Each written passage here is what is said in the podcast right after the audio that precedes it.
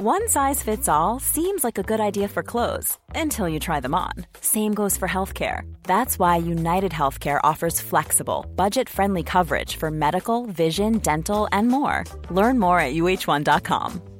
Hey, it's Ryan Reynolds, and I'm here with Keith, co star of my upcoming film, If, only in theaters, May 17th. Do you want to tell people the big news? All right, I'll do it. Sign up now and you'll get unlimited for $15 a month in six months of Paramount Plus Essential Plan on us. Mintmobile.com slash switch. Upfront payment of $45 equivalent to $15 per month. Unlimited over 40 gigabytes per month. Face lower speeds. Videos at 480p. Active Mint customers by 531.24 get six months of Paramount Plus Essential Plan. Auto renews after six months. Offer ends May 31st, 2024. Separate Paramount Plus registration required. Terms and conditions apply if rated PG. Millions of people have lost weight with personalized plans from Noom. Like Evan, who can't stand salads and still lost 50 pounds. Salads, generally, for most people, are the easy button, right? For me, that wasn't an option. I never really was a salad guy. That's just not who I am. But Noom worked for me. Get your personalized plan today at Noom.com. Real Noom user compensated to provide their story. In four weeks, the typical Noom user can expect to lose one to two pounds per week. Individual results may vary.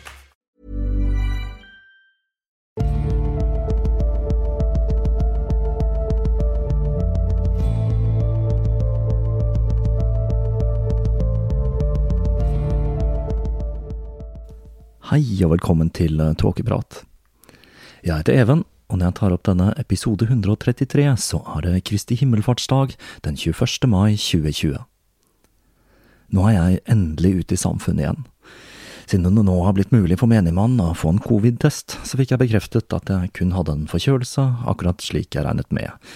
Så nå slipper jeg å gå og lure, og kan bevege meg rundt igjen uten frykt for å bryte smittevernet. Jeg skal ikke snakke så altfor mye om pandemien i denne episoden, for vi har en ganske så omfattende episode foran oss. Men det er én ting jeg føler er litt viktig å si. I forrige episode så snakket jeg om denne berømte neseprøven man må ta for å teste seg for covid. Jeg har hørt diverse skrekkhistorier om hvor voldsom denne skal være. Jeg så for eksempel en forskrekket dame fra USA som omtalte denne som å bli voldtatt i hjernen, så jeg skal innrømme at jeg var litt smånervøs når eh, damen i romdrakt skulle ta denne prøven. Men det var jo ingenting. Det var 30 sekunder med litt lett ubehag, og det er å foretrekke framfor å sitte apatisk og vente på at en vårforkjølelse skal slippe taket. Så om det kan være til hjelp for noen der ute, så opplevde i alle fall jeg dette som ekstremt lite problematisk, jeg tar gjerne den prøven 100 ganger til framfor å sitte mer i karantene. Og da var det sagt. Nå skal vi over til den andre delen i serien om katarene, eller de gode kristne. I forrige episode så, så vi hvordan denne bevegelsen vokste seg fram i et Sør-Frankrike som var svært progressivt sammenlignet med resten av Europa, og hvordan denne religionen forkastet kirkens grådighet og ble en slags folkekirke som appellerte til mennesker som var lei av undertrykkelsen til den katolske kirken, og som forfektet at Jesus og disiplene levde enkle liv i fattigdom.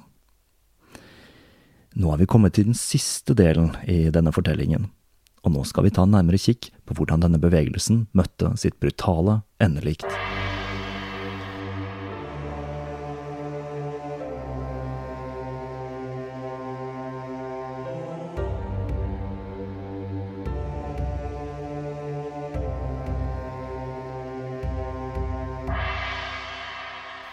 Katarenes skapelsesmyte forteller en god del om deres dualistiske verdenssyn, og hvorfor de mente at materialismen var av det onde.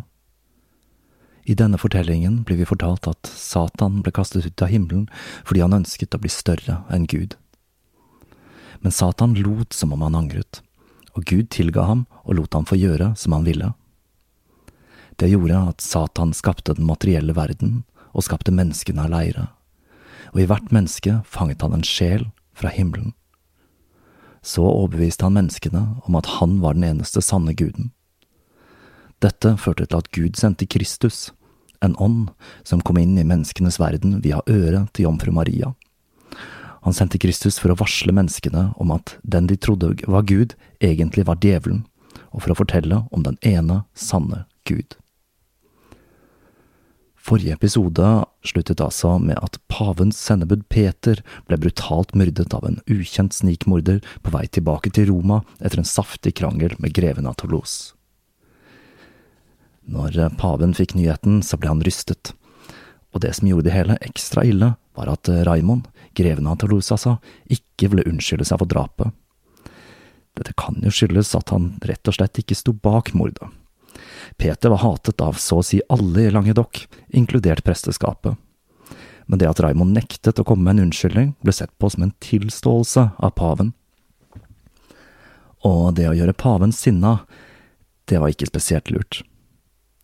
Den 10. mars 1208 beordret han et korstog mot kjetterne i regionen, det såkalte albigenserkorstoget og året etter så bega en broket gjeng med leiesoldater, riddere og adelige seg til Languedoc med et løfte om at de skulle få slettet all gjeld, få synsforlatelse, og ikke minst, de skulle få alle landområdene de tok fra qatarene og deres sympatisører. Man trengte kun å tjenestegjøre i 40 dager for å ta del i korstoget og det at det var mot eh, Sør-Frankrike og ikke Midtøsten, gjorde at det flokket seg til med ivrige menn som så sitt snitt til å bli gjeldfrie, og kanskje kunne naske til seg litt land og eiendeler i samme slengen. Men eh, Innocent hadde ikke helt gitt opp diplomati.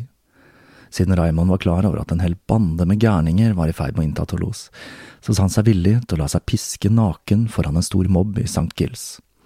I tillegg til eh, selv å delta 40 dager i korstoget, gi fra seg syv av slottene sine, sparka alle jødene han hadde ved hoffet, og be presteskapet om unnskyldning for måten han hadde turet fram på.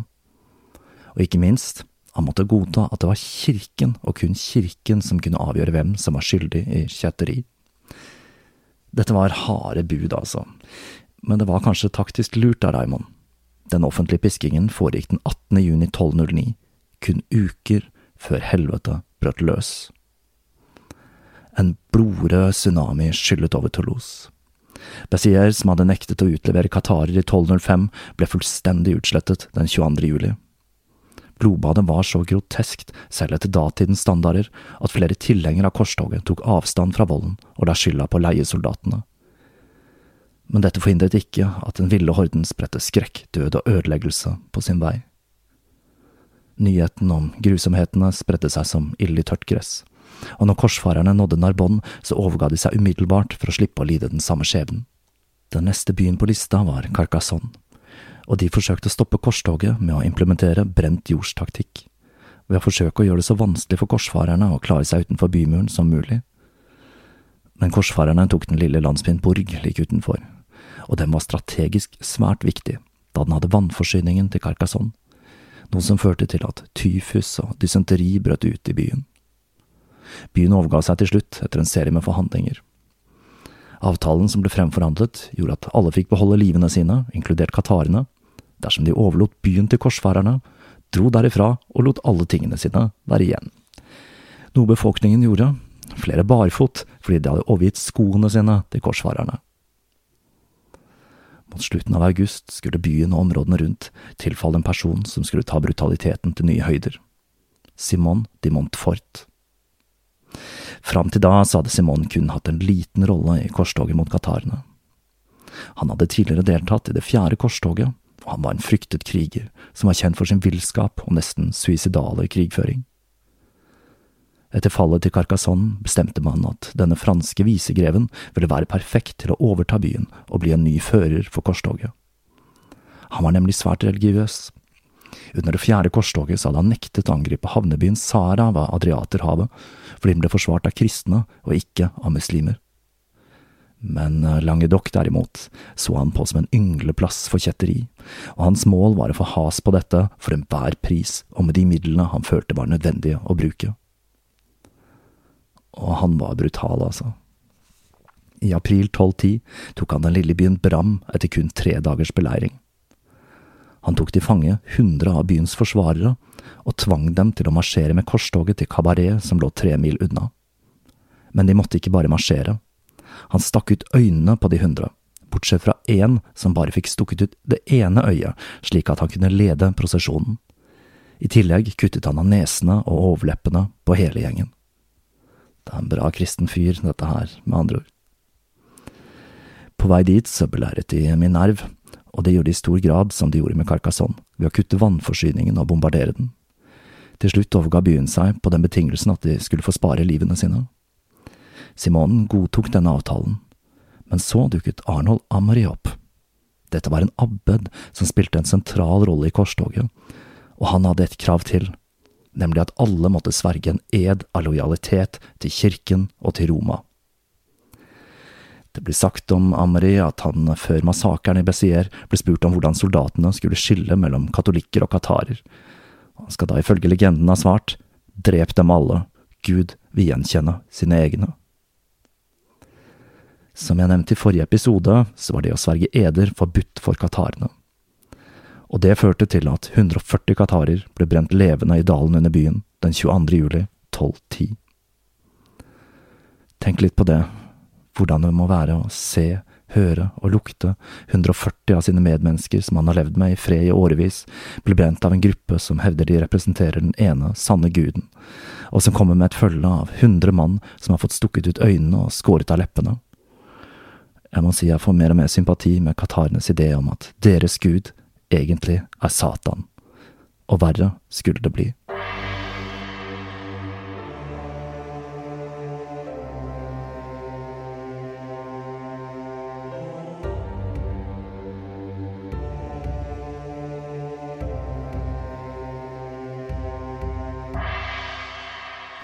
Den 3. mai 1211 dundret korstoget inn i byen Lavor, og volden nådde nye høyder. Denne gangen skulle Simon sette til side hva som ble regnet som krigens regler i middelalderens krigføring, og han hengte de 80 ridderne som forsvarte byen, i tillegg til lorden Amary av Motrol. Søsteren hans, Geralda, som var kjent for å være svært aksepterende overfor katarer, ble kastet ned i en brønn og steinet i hjel og denne gangen skulle han slå på stortromma når det gjaldt kjettebrenning, og hele 400 katarer ble brent på bålet i en enorm, grusom massehenrettelse. Nå var det Toulouse som sto for tur, og på veien dit brant korsfarerne mellom 50 og 100 katarer til. Raymond den sjette var klar over at korstoget var på vei, og han hadde jo til og med latt seg ydmyke offentlig bare for å gjøre kirken til lags men fordi han ikke hadde vist nok støtte til kirken, så ble han ekskommunisert i september 1209. Og det var vel tredje gangen det, da. Og enda en gang til i februar 2011, etter å ha nektet enda flere krav fra kirken, om blant annet å frasi seg titlene sine. Fire ganger ekskommunisert, altså. Det må jo sies å være en bragd i seg selv. På toppen av det hele så var det masse uroligheter i Toulouse.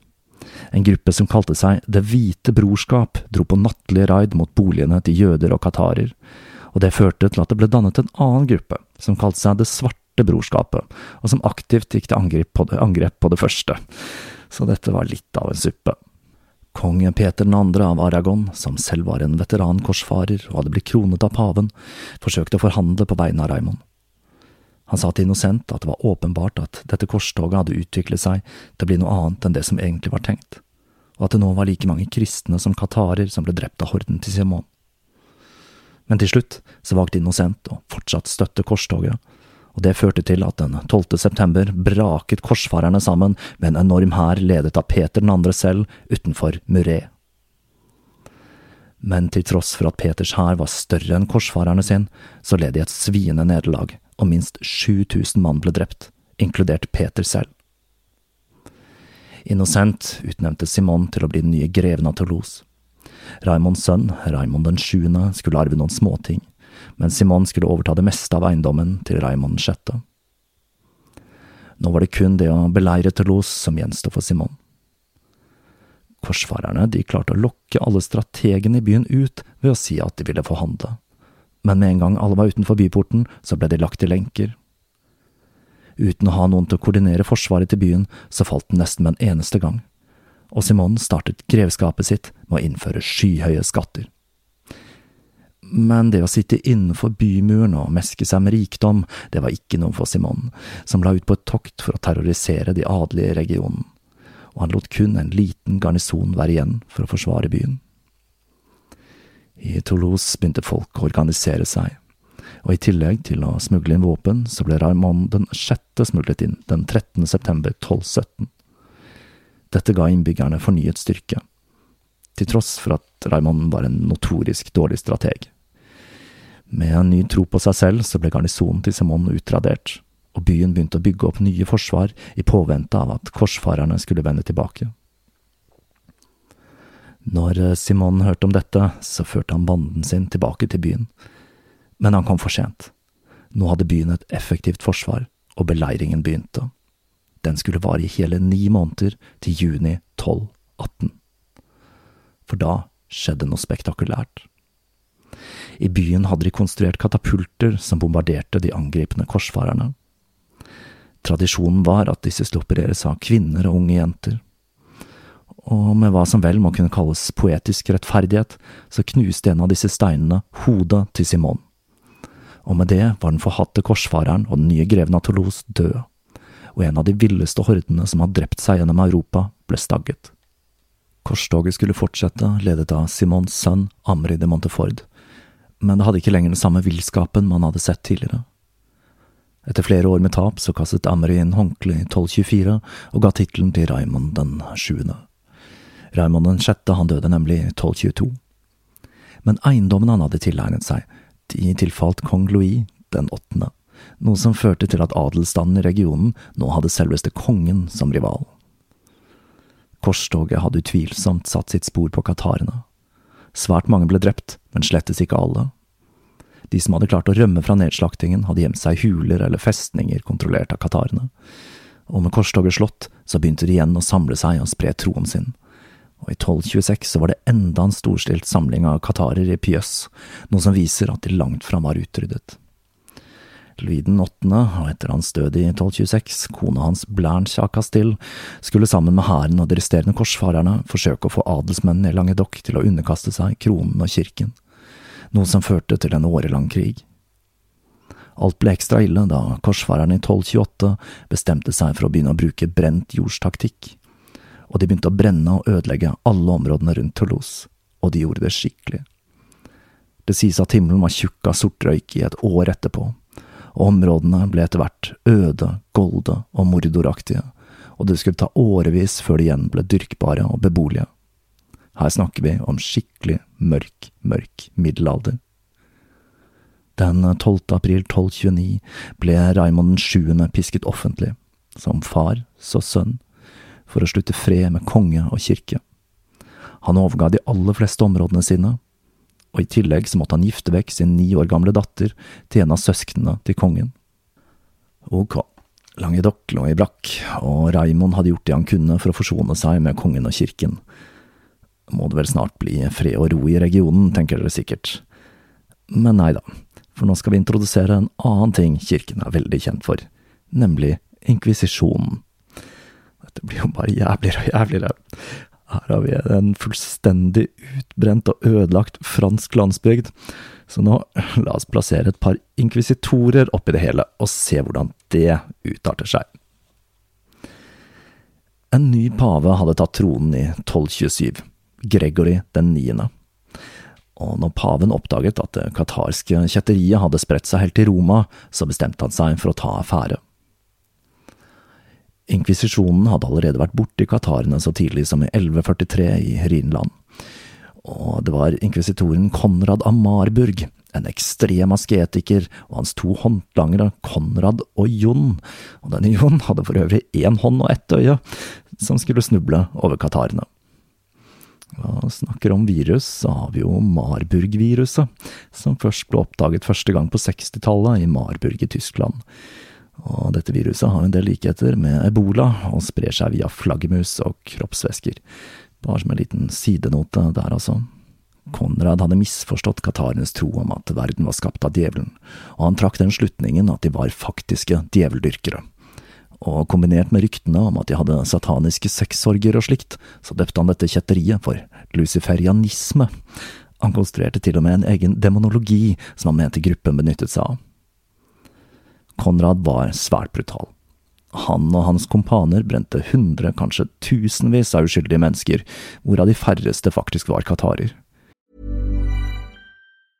If you thought the only way to get a more defined jawline with natural looking results was through surgery, think again. Juvederm Volux XC is a non surgical injectable gel filler that improves moderate to severe loss of jawline definition and can help you achieve natural looking results with little downtime. Even better, this improved definition lasts up to one year with optimal treatment. No maintenance required. Improve jawline definition for a smooth, sculpted look with Juvederm Volux XC. For important safety information and to find a licensed specialist, visit juvederm.com. That's J U V E D E R M.com. Not for people with severe allergic reactions, allergies to lidocaine, or the proteins used in Juvederm. Common side effects include injection site redness, swelling, pain, tenderness, firmness, lumps, bumps, bruising, discoloration, or itching. There's a risk of unintentional injection into a blood vessel, which can cause vision abnormalities, blindness, stroke, temporary scabs, or scarring. Talk to a licensed specialist to find out if it's right for you. Millions of people have lost weight with personalized plans from Noom, like Evan, who can't stand salads and still lost 50 pounds. Salads, generally, for most people, are the easy button, right? For me, that wasn't an option. I never really was a salad guy. That's just not who I am. But Noom worked for me. Get your personalized plan today at Noom.com. Real Noom user compensated to provide their story. In four weeks, the typical Noom user can expect to lose one to two pounds per week. Individual results may vary. Her snakker vi ikke om noen lengre rettssak i forkant. De ble rett og slett henrettet samme dag de ble avslørt som kjettere. Denne Konrad var, som dere sikkert skjønner, ikke spesielt populær, og den 30. juli 1233 så ble han dolket i hjel av en munk som bestemte seg for at nok, det var nok. Pave Gregory innså at eh, dersom han skulle slippe inkvisisjonen løs i Languedoc, så trengte han inkvisitorer med en smule mer finesse enn hva Konrad hadde utvist. Så våren samme år Konrad ble stukket i hjel av denne munken, utnevnte paven inkvisitorer i Sør-Frankrike, og det markerte starten på inkvisisjonen slik vi kjenner den. Og nå kommer et historisk gufs som gir meg assosiasjoner til en annen tid. Når inkvisisjonen kom til en ny by, så holdt de først en preken i kirken, hvorpå de krevde at alle menn over 14 og alle jenter over 12 skulle bekjenne sin tro og sverge en ed mot kjetteri. Qatarer som tilsto, ble flyttet til et område uten qatarer, og nå kommer dette historiske gufset. De fikk sydd to gule kors inni klærne, noe som merket dem som tidligere kjettere.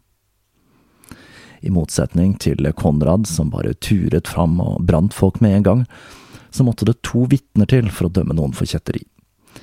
Men det at vitnene var anonyme, gjorde jo at dette var en svært tvilsom praksis. Når man først hadde funnet noen skyldig i kjetteri, så gikk man hardt til verks.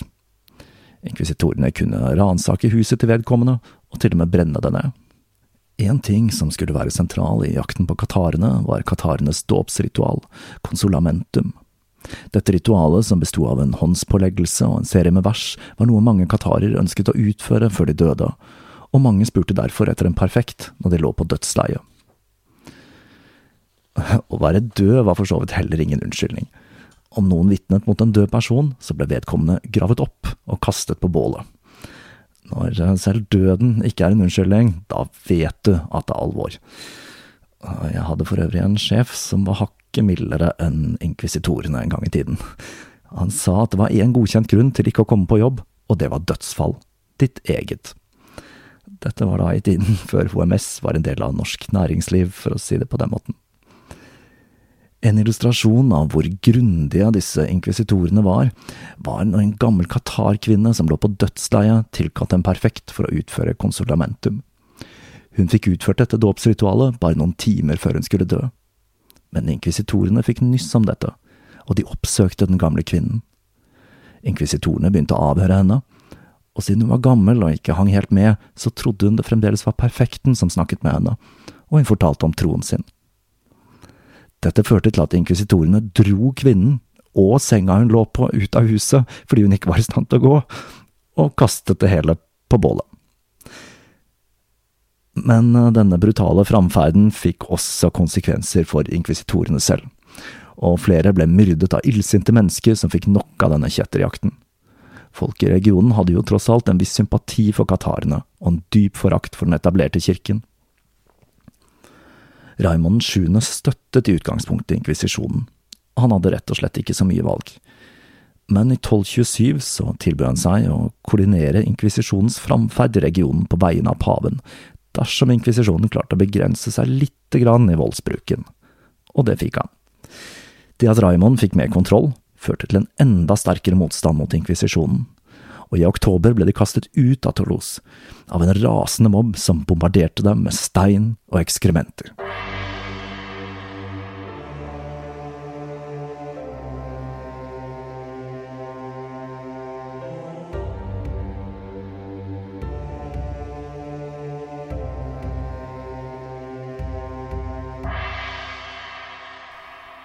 Svarte med å utnevne en fransiskanermunk, Steven av St. Tibere, som den nye inkvisitøren. Fransiskanerne var nemlig kjent for å være noe mildere enn dominikanerne, som var orden de første inkvisitørene hadde tilhørt. Men det skulle raskt vise seg at denne Steven langt fra var så mild som paven hadde håpet, og han turet på med uforminsket styrke og voldsbruk. Katarene forsøkte å skli inn i befolkningen og skille seg så lite ut som mulig. Kvinner og menn lot som om de var gift, og de gjorde ting som å spise kjøtt i offentligheten for å unngå mistanke. Dette ble selvsagt sett på som kjetterske triks av kirken, selv om det egentlig var kirken selv som var årsaken til at katarene var nødt til å ty til denne typen taktikker. I 1242 eh, ble to inkvisitorer, inkludert Steven, myrdet. Og i kjølvannet av dette så begynte et folkeopprør mot inkvisisjonen ledet av Raymond 7 men de så seg etter hvert nødt til å kaste inn håndkle etter å ha blitt slått av kirken. Med opprøret slått ned, så så kirken nå mot den siste bastionen til qatarene, festningen Montsegur. Dette festningsverket i Pyreneene hadde blitt forsterket i 1204 av Raymond av Pareil. Både hans mor og svigermor var perfekter, og han var selv en troende. Jeg skal si det er mange Raymonder i denne historien. Festningen hadde vært et tilfluktssted for katarene under korstoget og inkvisisjonen, og det var i praksis hovedsetet til katarene. I 1240 var det hjemmet til ca 200 perfekter, og festningen ble beskyttet av 98 riddere som ble ledet av Peter Roger, som selv kom fra en familie katarer. Men han kjøpte ikke helt den asketiske ideologien til bevegelsen, og han gikk ikke av veien for å drive med ting som landeveisrøveri om det var det som skulle til for å skaffe mat til befolkningen i Montsegur. Festningen hadde vært et mål for pilegrimer i en årrekke, og folk strømmet til for å høre perfektene preke og motta konsolamentum. Perfektene jobbet også med ting som smikunst og veving for å støtte opp om det lille samfunnet som totalt besto av ca 400 mennesker, om man regner med familiene til ridderne. I 1243 bestemte paven at tiden var inne for å beleire dette samlingspunktet for kjettere, og mot slutten av mai ble en hær ledet av Hugh av Arkis ført mot festningsverket, som hadde et rykte for å være ugjennomtrengelig. Festningen lå på toppen av et fjell, og Hugh hadde ikke nok menn til å omringe fjellet, som hadde en tre kilometers omkrets og et terreng som gjorde det håpløst å bruke belæringsmaskiner. Han bestemte seg derfor at den beste måten å ta festningen på var med et direkte angrep. Månedene gikk, og de forsøkte seg på flere angrep, men de ble drevet tilbake igjen og igjen av et regn med prosjektiler fra festningen. Nederlagene var svært demotiverende for mennene, og rundt juletider så bestemte Hugh seg for at de var nødt til å få et gjennombrudd dersom de skulle lyktes. Han beordret derfor et angrep mot en vaktpost som sto på toppen av et nålaktig utspring i fjellet. Hughs menn klatret fjellsiden nattestid, og de klarte å overraske og ta livet av mennene som forsvarte vaktposten. Da dagen grydde og de så hvor stupbratt og uframkommelig fjellsiden de hadde klatret opp var, innså de at de aldri hadde turt å klatre denne om det hadde vært dagslys. Nå hadde hæren fått fotfeste kun et par hundre meter fra selve festningen, og soldatene begynte arbeidet med å heise opp katapulter og beleiringsmaskiner, og bombardementet av festningen begynte umiddelbart. Inne i festningen var stemningen intens. Det gikk rykter om at både Raymond 7. og keiser Fredrik 2. hadde planer om å komme til unnsetning men ettersom beleiringen trakk ut, så ble det mer og mer klart at de var overlatt til seg selv. Den 2. mars 1244 overga Peter Roger festningen til Hugh, og betingelsen for overgivelsen ble satt. Alle skulle slippe unna med livet i behold, med den forutsetning at de lot seg avhøre av inkvisisjonen og sverget en troskapsed til kirken. For perfektene var dette et umulig valg. Enten måtte de frasi seg troen eller la seg brenne på bålet. De hadde ikke noe valg, og de visste det. Troen var for sterk. Ingen av de 200 var villige til å fornekte religionen som hadde vært så sentral i tilværelsen deres, og de visste godt hva som ventet dem. Ved foten av fjellet var allerede arbeidet i gang med å bygge bålene de skulle brennes på. I løpet av de to ukene distribuerte de det de hadde av eiendeler blant de andre beboerne i festningen. Men så skjedde noe spektakulært. Den siste dagen av 14-dagersperioden ba alle de troende om å motta konsulamentum. Dette dreide seg om mennesker som kun var på besøk i festningen, mange for å jobbe som leiesoldater under Peter Roger men nå ville de altså gjennom ritualet som ville sikre dem en grufull død sammen med sine trosfeller. Onsdag den 16. mars 1244 ble Peter Roger og hans menn og deres familier sluppet fri, men man kan tenke seg at friheten hadde en bismak. Perfektene og de nylig døpte ble alle ført til bålplassen som var gjort klar for dem. Dette var en blandet gruppe. Det var kvinner, menn og barn fra alle samfunnsklasser, fra adelige til bønder. Mer enn 200 mennesker ble brent levende for kjetteri den dagen. Alt i navnet til den guden qatarene mente var djevelen selv. Plassen er den dag i dag kjent som De kremertes sletter. Med fallet til katarenes høyborg var de nå en jaget gruppe, uten muligheter til å kunne gjemme seg vekk eller forsvare seg mot inkvisisjonen. Inkvisisjonen ble en del av hverdagslivet, som en realitet man ikke kunne riste av seg og etter hvert begynte adelsstanden i Languedoc å innse at den eneste måten de kunne få fred på, var å samarbeide med kirken. Det var nemlig ikke noe klasseskille på hvem inkvisitorene valgte å kaste på bålet. Adelig eller bonde, alle ble brent om de ble erklært kjettere. Til slutt ga altså Raimond den sjuende opp, og begynte selv å forfølge kjettere. I juni 1249 så brente han 80 stykker. Katarene var nå en spredt gruppe. Noen få perfekter hadde søkt tilflukt i fjellene, i de to siste årtiene av 1200-tallet så støtte inkvisisjonen på noe motstand fra politisk hold, men i 1303 så løste de denne floka og kunne fortsette i kjent stil. Men når inkvisisjonen gjenopptok arbeidet, så oppdaget de noe aldeles forferdelig. Som fuglen Føniks var katarene gjenoppstått, og i spissen for denne revitaliserte religionen så sto en perfekt, Peter Autier. Peter ble født i ca. 1240, og han hadde gjort det svært godt for seg selv og familien i yrket som notar. Eller familien ned, burde jeg kanskje si. Han hadde nemlig én kone og én elskerinne, og han hadde barn med begge to. En dag så ble han overtalt til å dra til Lombardy, hvor det fremdeles fantes et aktivt Qatar-samfunn i 1296. Den 4. oktober så dro han, broren William og en av Peters uekte sønner for å motta konsulamentum, til tross for at de godt visste hva dette innebar. Når de kom tilbake til Toulouse, så begynte arbeidet med å bygge opp et hemmelig nettverk og skjulesteder for å spre budskapet. De var klar over at de måtte drive en slags geriljamisjonering om de skulle lyktes og ikke ende sine dager på bålet. De klarte raskt å omvende et dusin med mennesker som ble en del av denne revitaliserte Qatar-bevegelsen. Når de startet misjonsarbeidet sitt våren 1300, så var det fare på ferde allerede fra første stund. De ble forsøkt utlevert til inkvisisjonen av en William Dijan som utga seg for å selv å være en qatar. Men han anga dem til en munk. Men det han ikke visste, var at denne munken var Qatar-sympatisør, så William han ble kastet ned i en ravine, og liket hans ble aldri funnet. Peter hadde sin helt egen versjon av Qatar-troen, og dro en del konsepter enda lengre enn i den opprinnelige doktrinen, Blant annet så mente han at Jomfru Maria var en manifestasjon av viljen til å utføre gode gjerninger, og i så måte ikke hadde vært et fysisk menneske. I Peters tro var det heller ikke noe hierarki.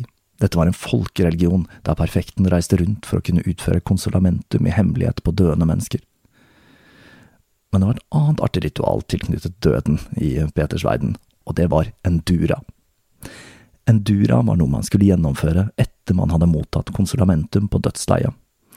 Dette var rett og slett en vannfaste, og den var nok tenkt å sikre at den døende skulle forholde seg trofast mot sin nye Qatar-tro. Men dette kunne ta sin tid, og det er historier om nydøpte som brukte 6–14 dager på å dø i endura.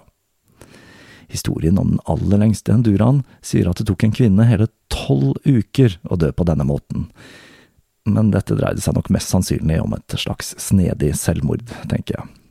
Ting begynte å gå galt for nettverket til Peter i 1305, og en William Payer, som var Qatar og tilhenger av Peter, spurte om han ikke kunne få låne litt penger av Autier-familien for å nedbetale gjeld, siden Peter og familien fremdeles var svært velstående. Det fikk han ikke, og med det så gikk han til inkvisisjonen og fortalte alt han visste om bevegelsen. Han kunne fortelle at dette dreide seg om minst 1000 følgere av den gamle religionen, og at disse var spredt over 125 ulike steder. Og så skulle det komme to nye inkvisitorer til, som fremdeles den dag i dag er husket som noen av kirkens mest effektive menn. Jeffrey Dabli, og ikke minst Bernard Gui, som hadde styringa på inkvisisjonen i Toulouse. Til tross for at disse to har et mildt sagt frynsete rykte, så var de faktisk langt mindre brutale enn sine forgjengere. Av Bernhard Guis 930 dommer var kun 42 dødsdommer. Men det skulle ikke stå på initiativ, altså, for den 8. september 1308 så arresterte de en hel landsby som var mistenkt for kjetteri. De to var ekstremt effektive, og Peter Autier ble brent på bålet den 9. april 1310 i Toulouse. Og med hans bortgang var det kun én perfekt igjen i Languedoc, William Bebast, som hadde blitt med i gruppen til Peter i 1305. I 1307 hadde han blitt arrestert mistenkt for kjetteri, men han klarte å rømme, og han fortsatte arbeidet med å spre Qatar-troen. Men i 1321 ble han forrådt og arrestert. Mens han satt i arrest, så forsøkte han å begå selvmord ved å gjennomføre en dura. Men da ble han fortalt av sikre, som var mannen som hadde forrådt han, at han angret seg for hva han hadde gjort, og han avsluttet derfor en dura. Men dette var en løgn, og William Bebast endte sine dager på bålet i den lille landsbyen Villerouge Termenes. Mens siste perfekten død, begynte arbeidet med å renske ut de siste restene av qatarer fra Languedoc. Mennesker måtte frasi seg sin gamle religion eller ende livet i et flammende inferno. De som underkastet seg kirken, fikk sydd inn gule kors i klærne og ble sendt til steder som ble erklært kjettefrie. Kirken hadde vunnet, og med utryddelsen av qatarene i Languedoc hadde bevegelsen som kalte seg selv De gode kristne, blitt slått ned en gang for alle.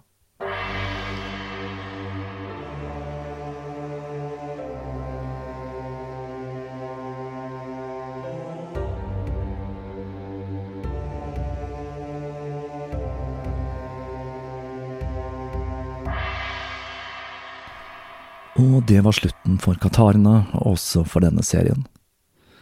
Det fantes enkelte små grupper av qatarer på steder som Italia og Bosnia etter denne perioden, men disse hadde ikke det samme momentet som den sørfranske grenen hadde hatt, og de ble raskt vannet ut, og troen ble blandet med andre religioner. Det finnes også grupper av neo-qatarer, men den originale religionen, den som fikk blomster i Languedoc, og som forfektet at materialisme var av det onde, og at sanne kristne skulle følge en vei av ydmykhet, den forsvant på bålet sammen med de siste perfektene på begynnelsen av 1300-tallet. Da var vi altså ved veis ende i denne serien. Nå skal jeg kaste meg rundt og begynne på det neste kapittelet i Tåkeprat. Jeg har et uh, tema i tankene og litt litteratur jeg må gjennom før jeg får satt i gang med å sette sammen denne episoden, så jeg vil tippe at jeg er i mål med den om én til halvannen uke, cirka. Jeg kan røpe såpass som at vi skal se litt nærmere på en underlig figur som har en tendens til å dukke opp igjen og igjen i historien, og dette dreier seg ikke om Doctor Who, så mye kan jeg vel røpe. Fram til da så vil jeg minne dere om at Tåkeprats egen skjeggpomade er tilgjengelig i nettbutikken på tåkeprat.com. Jeg har fått veldig gode tilbakemeldinger på denne, og som jeg har nevnt tidligere, så er jeg ekstremt fornøyd med denne selv. Så om du har skjegg og liker lukten av skogbunn, så vil jeg på det varmeste anbefale å kjøpe en boks. Som vanlig så vil jeg rette en takk til alle patrions. Den siste uken har det kommet til en del nye, og det setter jeg utrolig pris på. Patrion kommer til å være en svært viktig del av Tåkeprat framover, slik ting ser ut nå. Og jeg vil også takke dere som har valgt å donere gjennom nettsiden.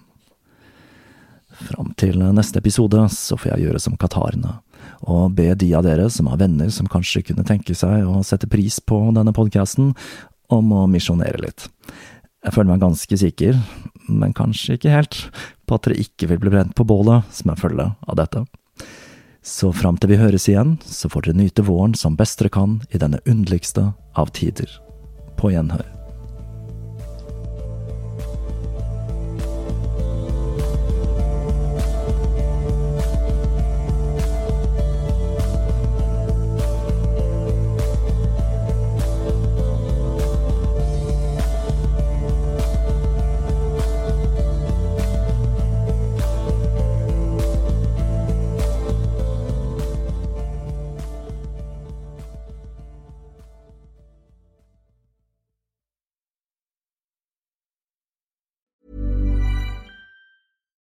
I'm Daniel, founder of Pretty Litter. Cats and cat owners deserve better than any old fashioned litter. That's why I teamed up with scientists and veterinarians to create Pretty Litter. Its innovative crystal formula has superior odor control and weighs up to 80% less than clay litter.